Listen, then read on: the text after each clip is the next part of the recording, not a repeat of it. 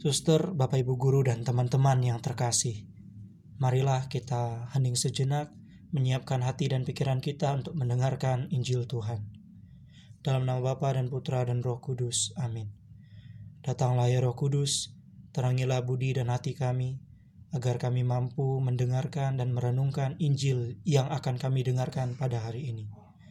Demi Kristus Tuhan dan pengantara kami. Amin. Inilah Injil Yesus Kristus menurut Matius. Dimuliakanlah Tuhan.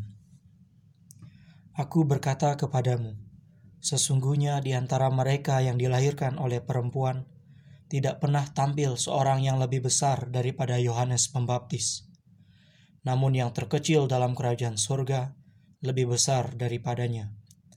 Sejak tampilnya Yohanes Pembaptis hingga sekarang, kerajaan surga diserong dan orang yang menyerongnya mencoba menguasainya. Sebab semua nabi dan kitab Taurat bernubuat hingga tampilnya Yohanes. Dan jika kamu mau menerimanya, ialah Elia yang akan datang itu. Siapa bertelinga, hendaklah ia mendengar. Demikianlah Injil Tuhan. Terpujilah Kristus. Suster, Bapak, Ibu guru, dan teman-teman yang terkasih. Pada masa Advent ini, Yohanes Pembaptis menjadi salah satu tokoh yang hadir dalam bacaan Ekaristi ataupun perayaan Sabda. Ia menjadi perintis jalan Tuhan. Ia mendahului untuk mempersiapkan jalannya. Kelahirannya pun sungguh ajaib. Lahir dari perempuan yang dikatakan mandul dan sudah tua.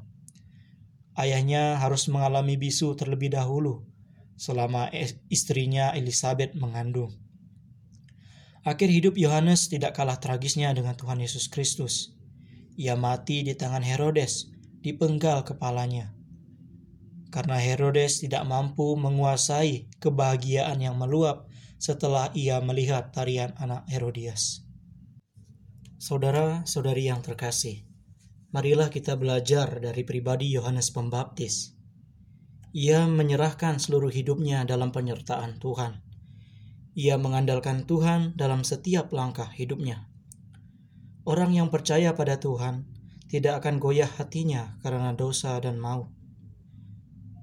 Saudara-saudari yang terkasih, marilah kita juga membangun sikap mengandalkan Tuhan dalam hidup kita sehari-hari, dan terutama dalam masa Advent ini. Tuhan memberkati. Amin. Tuhan Yesus Kristus bantulah kami untuk mau mengandalkan Engkau dalam setiap langkah hidup kami. Bantulah kami juga untuk senantiasa percaya akan kuasamu dalam setiap persoalan-persoalan hidup ini.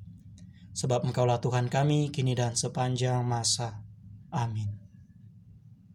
Dalam nama Bapa dan Putra dan Roh Kudus. Amin.